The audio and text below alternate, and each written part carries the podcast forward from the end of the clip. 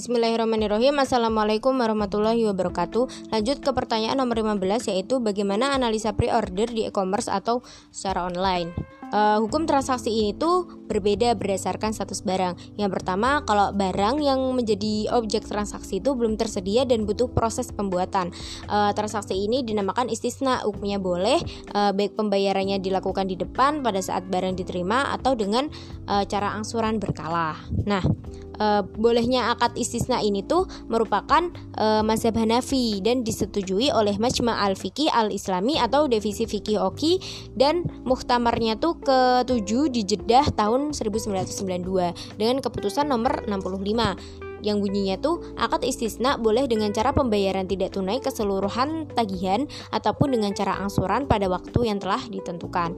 Nah, yang kedua jika barang yang menjadi objek transaksi telah tersedia di tangan produsen dan pembayarnya pembayarannya tuh dilakukan oleh B kepada A secara tunai keseluruhan di depan pada saat transaksi dibuat. Jadi di awal pada saat transaksi dibuat.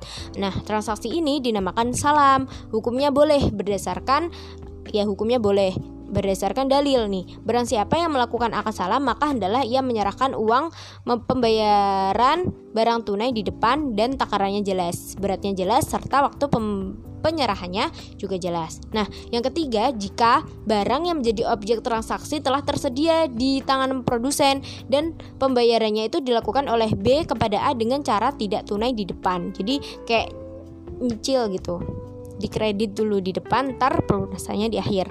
Terkadang dengan cara ansuran dan terkadang dibayar keseluruhan setelah barangnya diterima. Nah, transaksi ini hukumnya tidak boleh atau haram karena termasuk dalam larangan Nabi yaitu A menjual barang yang belum dimilikinya kepada B. Nah, dari Hakim bin Hizam radhiyallahu anhu ia berkata, "Wahai Rasulullah, uh, seseorang datang kepadaku untuk membeli suatu barang. Kebetulan barang tersebut sedang tidak kumiliki. Apakah boleh aku menjualnya kemudian aku membeli barang yang diinginkan di pasar?" Maka Nabi Shallallahu alaihi wasallam menjawab, "Jangan, engkau jual janganlah engkau jual barang yang belum engkau miliki." Nah, bentuk akad antara A dan B sama persis kasusnya dengan yang ditanyakan oleh sahabat Nabi di mana barang barang belum lagi dimiliki oleh penjual A namun A telah menjualnya kepada B dan juga termasuk uh, jual beli utang dengan utang atau bisa uang atau barang tidak diserahkan pada saat akad disepakati. Dan hukum jual beli utang dengan utang itu haram. Ijma para ulama sebagaimana yang dinukil oleh Iman Ahmad. Ia berkata uh, tidak ada satupun hadis yang sohih tentang larangan jual beli utang dengan utang. Akan tetapi para ulama telah sepakat bahwa jual beli ini tidak diperbolehkan.